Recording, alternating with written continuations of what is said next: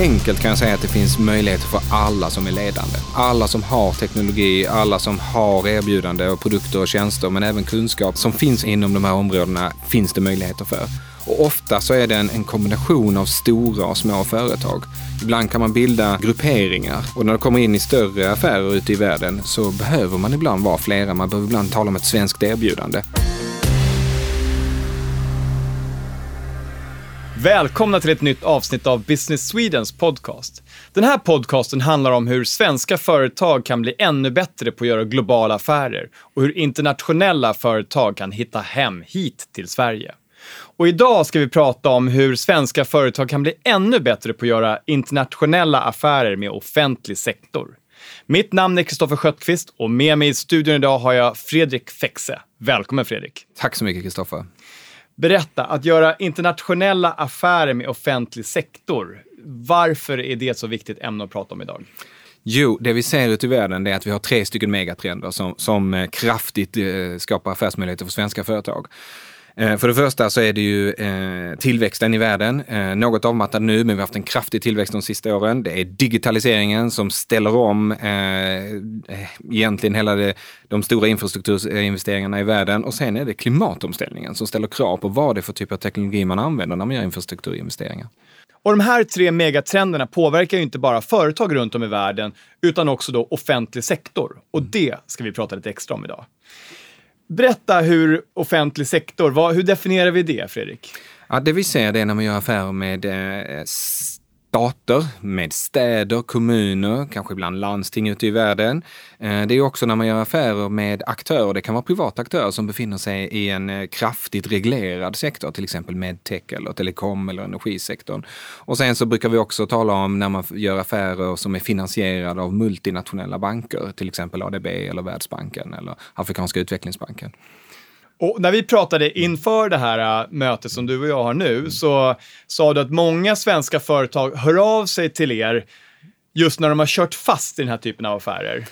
Ja, och det de ofta frågar då, det, eller det som ofta sker, är att de, de förstår att det finns affärer, eh, men de är lite eh, fundersamma kring hur är det egentligen man gör? För det, det är ett, en, en, annan setup av aktörer eller intressenter eller aktörer som, som finns i en sån här affär och man kanske inte alltid känner igen sig och det är lite olika mellan länder.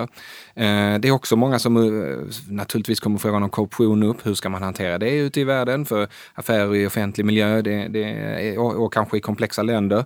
Eh, så det är någonting som man också undrar och, och frågar över. Och sen det vanligaste är faktiskt att man har gett sig in i en affär. Man är redan där, eh, men någonting har gått fel eller man, helt plötsligt förstår man inte eller man har åkt ur en upphandling eller så. Och då brukar man faktiskt lyfta luren och så ringer man till oss och säger kan ni hjälpa oss att snabbt se till att vi kommer tillbaks in the game igen.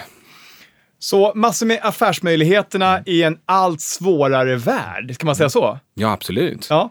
Fredrik, du har jobbat inom Business Sweden i 13 år. Mm. Eh, jag vet att du började med fyra år i Asien, eller i Indien va? Mm, stämmer. Eh, och, och, berätta mer om din bakgrund inom Business Sweden.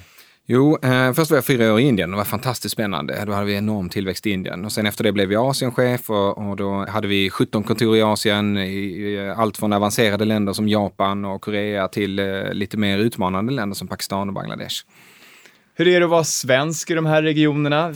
Det är ruskigt kul för, för eh, Sverige och svenska företag, vi har fantastisk teknologi, vi är innovativa, vi, vi, vi ligger, vi är ledande i, eh, eller vi är i fronten av de teknologierna som man vill ha, eller den typen av produkter och tjänster som, och kunskap som, som man behöver i, i, eh, i Asien och som man har behövt och kommer att behöva framöver. Så det är otroligt kul. Vi uppfattas också som väldigt schyssta, reko, enkla att göra med, hög tillit. Eh, så att det, det, det är kul att vara svensk i Asien. Vi har ju under många avsnitt i den här podcastserien pratat mm. om svenska och svenskheten och kulturkrockar och mm. den typen av utmaningar som man som svensk står för ute i mm. världen. Men jag menar, du måste ha varit med om en massa sådana saker också. Absolut, absolut. Och vi, vi har enorma styrkor. Eh, vi har också några områden som vi måste arbeta med lite grann. Och det tror jag har att göra med att i Sverige så har vi och vårt samhälle kommit ganska långt när det gäller till exempel tillit. Eh, så att vi, vi kan ibland eh, dyka upp vid ett förhandlingsbord nere i Sri Lanka Lanka eh, med en offert. Eh, en person som reser ner och pratar om produkten och sen reser vi hem och sen sitter vi och väntar hemma i Sverige och undrar varför det inte blir någonting. Och eh, ofta i i eh, länder, till exempel i Asien eller om man tänker Afrika eller Sydamerika, så är det mycket längre processer. Det handlar mycket mer om relationer, att bygga tillit, för den kanske inte alltid finns där från början. Vilket gör att det är mycket längre ledtider, det är många fler aktörer som är inne i en affär eh, och man behöver helt enkelt vara där i fronten, längst ute. Och, och, och, prata med folk och vara på plats och möte efter möte efter möte. Så det är någonting vi behöver, eh, behöver bli lite bättre på, att eh, se tillsätta mer resurser. Vi behöver också förstå lite grann hur förhandlingsprocesser fungerar. Och, eh, så som vi gör affärer i Norden och kanske Europa är inte alltid så man gör affärer ute i världen. Nej. Men Fredrik, sen fem år tillbaka så är du nu tillbaka i Stockholm. Och här hjälper du då svenska företag att internationalisera deras business.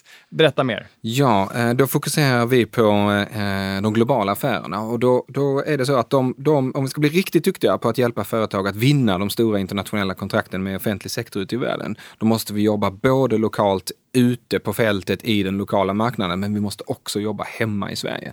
För då kan vi få ut eh, effekten eller resultatet eh, från hela vårt svenska främjandesystem. Så vi, vi är ett, ett, antal personer som sitter i Sverige och arbetar med de svenska parterna och arbetar ofta med huvudkontoren på företagen för att se till att man landar rätt. Och sen ute i världen så har vi då våra kontor, ambassaderna, handelskammarna är ruskigt viktiga, inte minst i denna sektorn, eh, och, och, och, andra aktörer som finns på plats. Så det kan vara eh, branschföreningar, eh, till exempel i det specifika landet och så vidare. Så att vi jobbar, måste jobba hemma och ute i världen för att bli riktigt rejält bra.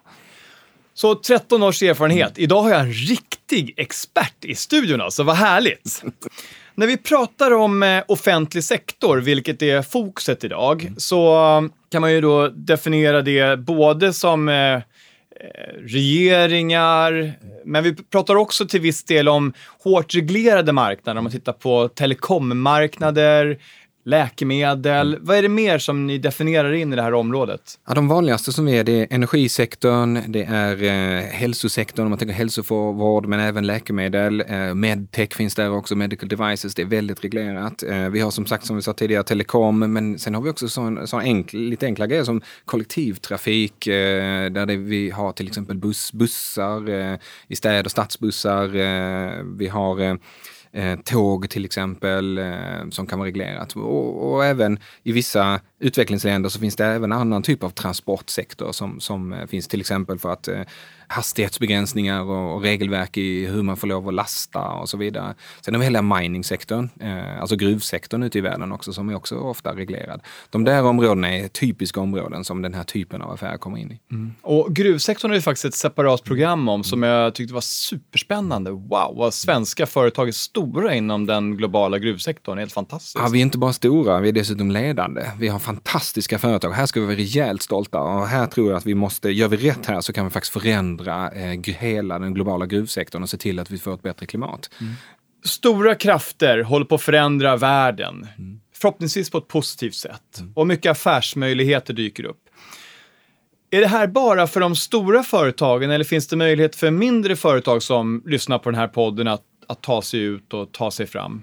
Ja, det är en ruskigt bra fråga enkelt kan jag säga att det finns möjligheter för alla som är ledande. Alla som har teknologi, alla som har erbjudande och produkter och tjänster, men även kunskap som finns inom, inom de här områdena finns det möjligheter för. Och ofta så är det en, en kombination av stora och små företag. Ibland kan, det vara, kan man bilda eh, grupperingar. Man skulle kunna kalla det konsortier eh, och det behöver inte vara legala konsortier utan det kan mer vara att man arbetar i grupper. Där stora företag arbetar sida vid sida med små företag. Eh, inkubatorer, akademi och stat. Det som ibland kallas för, för triple helix. Och när det kommer in i st större, större affärer ute i världen så behöver man ibland vara flera. Man behöver ibland tala om ett svenskt erbjudande. Och det är flera skäl till det. Eh, dels för att man ska få ihop rätt typ av teknologi, rätt typ av lösning. Men det andra är faktiskt finansieringslösningarna. Det finns, eh, och det är ett tips till företagen att, att titta på den finansiering som finns tillgänglig eh, internationellt, i det lokala landet, i regionen, men också vad som finns i Sverige. För här i Sverige, ruskigt långt fram, det erbjudandet som vi har i de statliga finansiering, finansieringsaktörerna som är då SEK och EKN, är ruskigt attraktivt för, för närvarande. Så eh, bra möjligheter att få finansiering och stöd om jag vill ge mig ut i världen med mitt företag och göra affärer. Ja, inte bara bra, alltså världsledande. Ja, ja. Och, och jag tänker på, vi ska ju prata lite grann om de lite knepiga utmaningarna också idag som finns inom offentlig upphandling. Det kan ju vara svårt att förstå hur ett lands struktur är och som svensk företagare kan det ju vara också svårt att veta hur jag ska prioritera mellan olika länder eller olika marknader. Mm. Så promenera oss igenom lite grann om eh, det som du definierar som eh, lite knepigare marknader där det är lite hårdare reglerat. Ja, ibland så, så kan det vara, eh, det kan vara dels helt vanliga, alltså det som vi kallar västländer, eller de avancerade marknader, där man har eh, eh, en tung, tuff reglering. Och det är till exempel i sektorer där man, där, där man behöver en reglering, och det är till exempel läkemedel. Så det finns ju egentligen i alla marknader.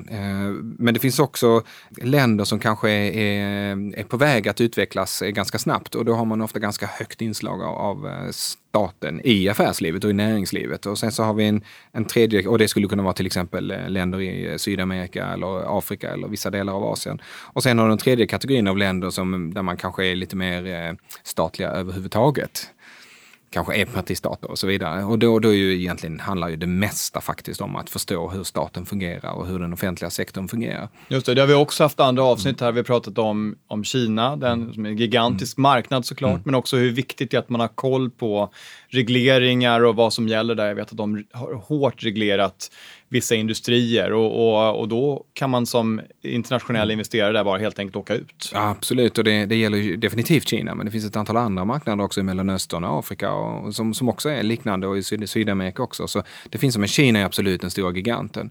Och sen, sen har vi ju Indien som är, är, ett liknande, alltså det är ju lika stort och det, det är fantastisk tillväxt och vi, det är demokrati, men det finns absolut inslag av regleringar där också och, och, och stor påverkan av staten och statliga bolag. En av de vanligaste frågorna som vi får till den här podcasten, det är ju hur man som svensk företagare ska undvika att hamna i korruptionsfällor runt om i världen. Vad är din erfarenhet av det Fredrik? Ja, det är en av de frågorna som vi får också. Alltså, bakgrunden är ju att vi sätter ju eh, hållbarheten eh, allt viktigare än när vi gör internationella affärer nu. Och vi, här i Sverige, vi är ett väldigt hållbart land och vi tycker det är viktigt. Eh, och dessutom har vi Agenda 2030 som faktiskt har ändrat spelplanen mycket för internationella affärer.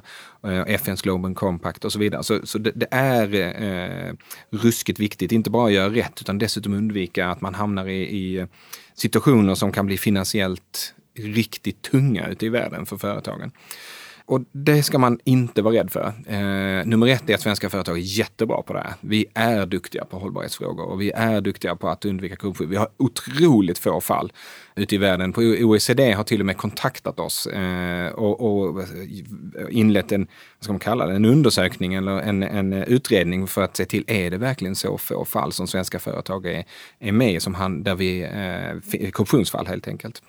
Men jag tänker det måste vara särskilt vanligt även när man ska gå in i, i myndigheter och göra den här typen av affärer med offentlig sektor. Ja, för, det, för det är ju en sak att gå in och göra det med företag på en internationell mm. marknad, men i offentlig sektor mm. får man ju en upplevelse i alla fall, som okunnig, att det borde finnas mer inslag av korruption. Ja, men så är det. Så är det definitivt. Eh, och, och svenska företag är för det första väldigt duktiga, men trycket finns ju fortfarande kvar. Alltså situationerna man hamnar i, de är ju ja, på mina år här de sista eh, 13-14 åren som, som jag har arbetat med det här så, så är det kanske något bättre, med betoning på något bättre. Men, men det, det finns ju fortfarande ett kraftigt tryck och det är ju ofta i miljöer där man har offentlig sektor, regelverk, eh, byråkrati och så vidare. Och kanske också man har en lönebild hos statligt anställda i de länderna som gör att korruption nästan är en del av systemet. Och där är det eh, tunga utmaningar där svenska företag ställs inför eh, problematik helt enkelt. Så vad är det för råd som ni ger som eh, är experter på det här, att undvika korruptionssituationer? Jo, det vi gör det är att ett, man måste verkligen ha en code of conduct. Man måste ha tänkt igenom hur man ska agera från början. Eh, och det här är ganska enkelt och det kan man göra själv. Nästan alla företag, svenska företag har en code of conduct eller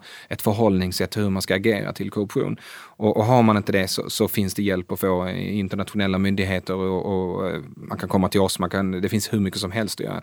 Och vad man behöver göra det är ha den globala code of conducten. Men sen när du kommer till det lokala landet, det enskilda landet, då behöver man sätta sig in i vad det är som gäller i det landet och var de vanligaste riskerna finns någonstans. Och det kan till exempel vi hjälpa till med och det kan andra också hjälpa till med. Man kan gå till ambassaden och handelskammarna. Och ja, jag tänker jag kommer in i en situation där, där mina konkurrenter som också vill komma åt den här affären på en global marknad kanske inte har samma code of conduct som vi har och att det skulle i värsta fall kunna hamna att vi hamnar i en sämre sits som i, i, i konkurrensen?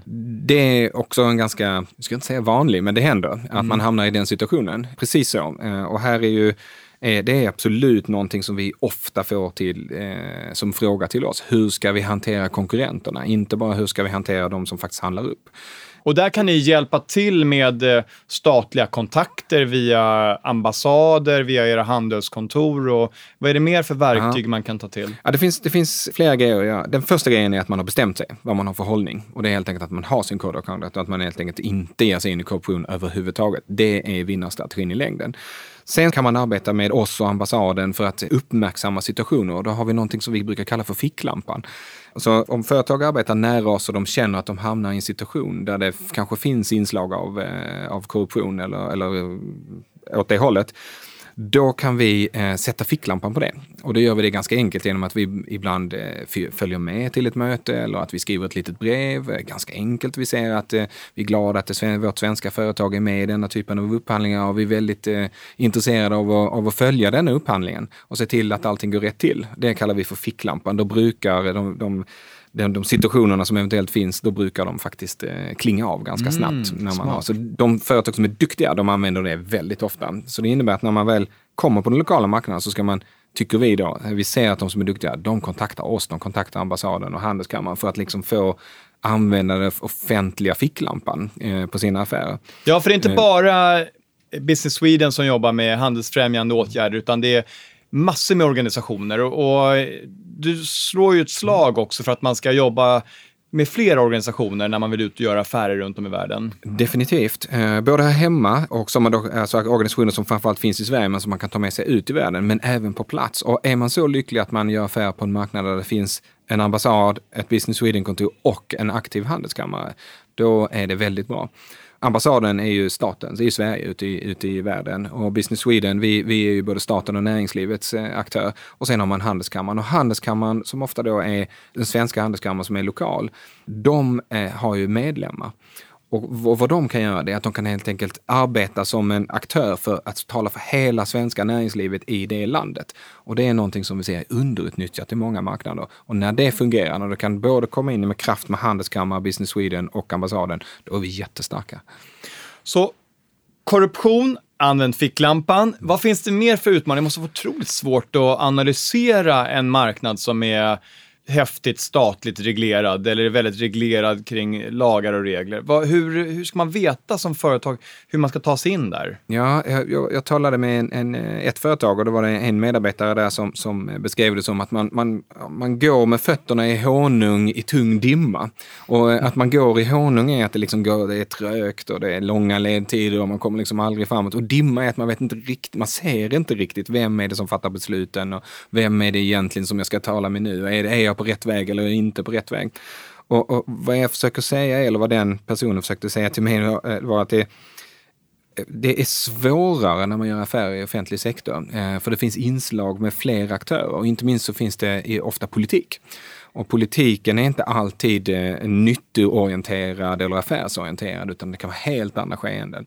Så, så, det är det ena. Det andra är att det är svårt att komma in i departement och det kan vara regelverk som gör att du som företag inte får vara i kontakt med dem som, du, som faktiskt ska avgöra. Och det är ju likadant med offentlig upphandling i Sverige. Man, så, så fungerar det. Och då vet man inte heller riktigt vad som händer eh, bakom eh, ridån. Nej, du pratade om det förut också, att det, de här incitamenten som upphandlaren har kanske inte är vinstdrivande, utan att det då kan vara röstoptimerande mm. eller eh, andra drivkrafter. Ja, och då, då, här finns det ju flera exempel eh, där, det, där man eh, kanske mitt i en upphandling så börjar det bli val och då ser man så tydligt att då klingar intresset av och då måste, kan man inte bara jobba med de som sitter in government eller de som faktiskt styr, utan du måste jobba med oppositionen också eller inte.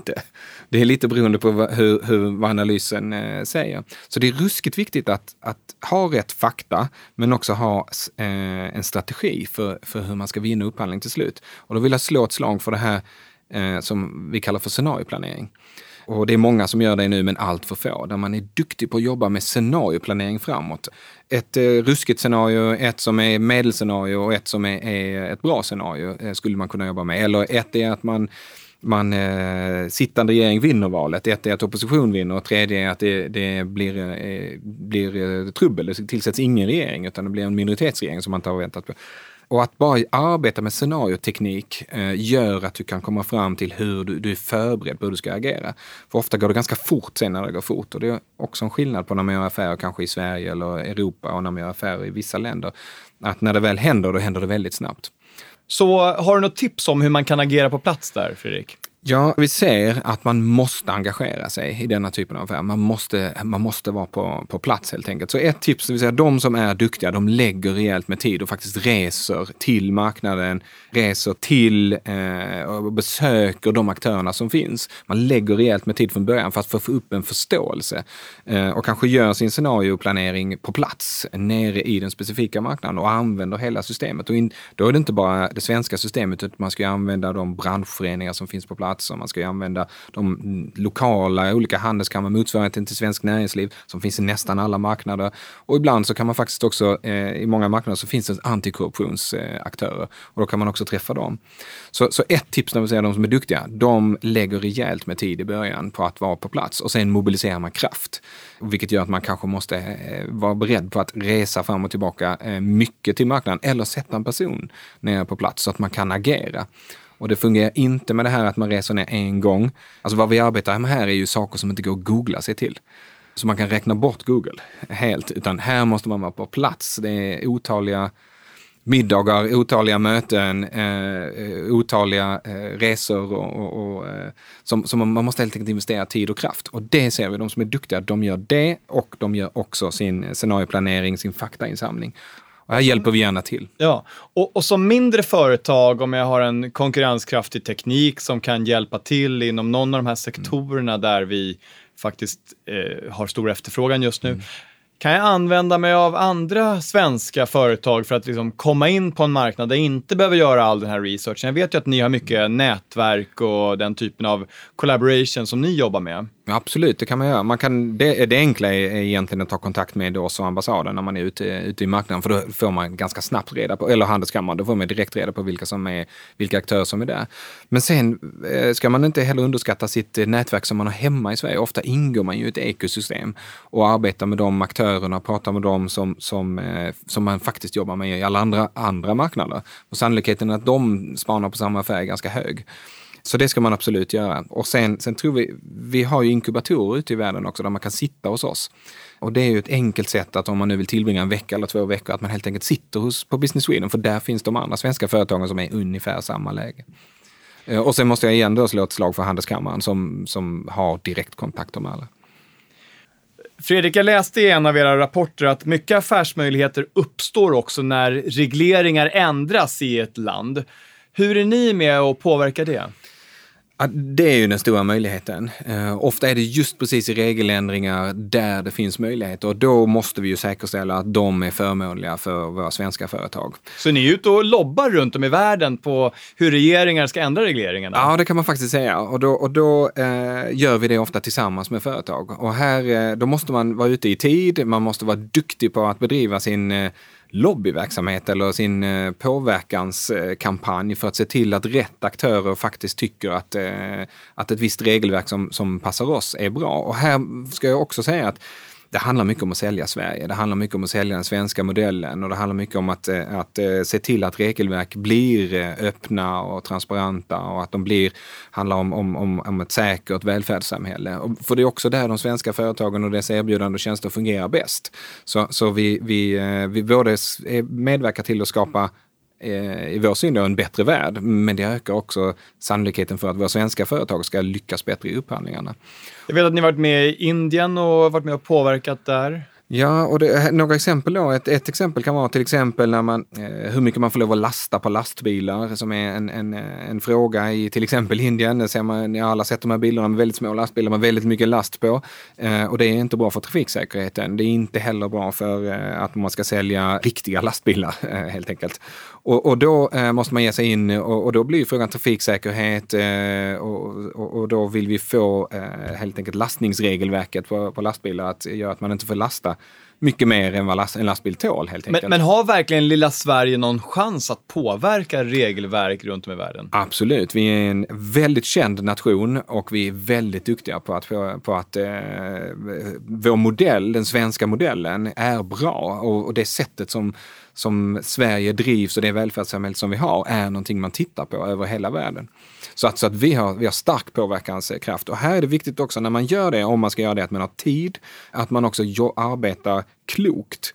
Och då ska man helt enkelt inte tala så mycket om sig själv och sin egen produkt, utan mycket mer om den nyttan som man kan skapa med ett regelverk som är eh, som är bättre helt enkelt. Så i ert fall då när ni pratar om trafiksäkerhet och mindre dödsolyckor i indisk trafik så öppnar ni samtidigt vägen för svenska företag som är experter på att skapa stora lastbilar. Precis så, men vi öppnar ju också vägen för andra nationer som är duktiga på att ha stora lastbilar. Mm. Vi öppnar liksom upp marknaden och då vet vi också att eh, svenska företag har en bra konkurrensfaktor eh, i ett, mer öppet regelverk. Och det finns många exempel där det finns regler. Det finns mycket inom medtech till exempel. Det finns mycket inom, eh, om vi tittar, ibland kan det vara att man man måste, i vissa länder som är lite mer protektionistiska, att man eh, måste göra inköp i landet för att kunna sälja sina varor i ett specifikt land.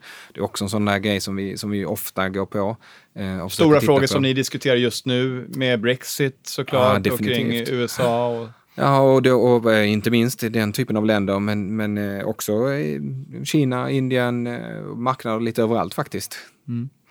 Det går ju inte en dag utan att eh, det diskuteras kring Agenda 2030 och Parisavtalet 2045. Mm. Och det här sätter ju också otroligt tryck på regeringar runt om i världen att anpassa sig till de här avtalen det måste också vara en otroligt massa affärsmöjligheter som dyker upp i det. Definitivt, det här är den stora chansen. Här är svenska företag, vi har teknologi som till mångt och mycket kan faktiskt ge, gå, passa väldigt väl in i klimatomställningen, både till Agenda 2030 och målen 2045. Så det här är ju en fantastisk möjlighet för svenska företag och svenska, det svenska systemet överhuvudtaget. Har du några exempel på svenska teknologier som eh, gör sig bra ut i världen just nu? Absolut, hela vår energisektor är otroligt stark stark. Eh, både från hur vi genererar energi, till exempel med, med eh, eh waste to energy där vi använder av, eh, avfall för att skapa energi, eh, vilket är en cirkulär modell där vi är otroligt starka. Hur vi överför alltså högspänningsenergi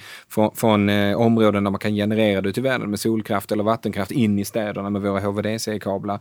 Eh, är ruskigt starkt. Vi har hela eh, vår kollektivtrafiksektor där vi kan både göra tåg och, och bussar eh, inne i urbana miljöer som är otroligt starkt. Eh, där är vi väl, väldigt bra. Vi, har, eh, vi talade tidigare om gruvsektorn. Eh, där, har vi, där är vi också ruskigt starka. Det är ett område där det, där det finns en enorm eh, möjlighet för oss. Och sen är vi ju faktiskt ledande i telekom eh, och, och, och hela digitala eh, delen som mer och mer finns i alla sektorer. Genom att arbeta mer digitalt så spar vi energi och genom att spara energi så minskar minskar vi CO2-utsläppen.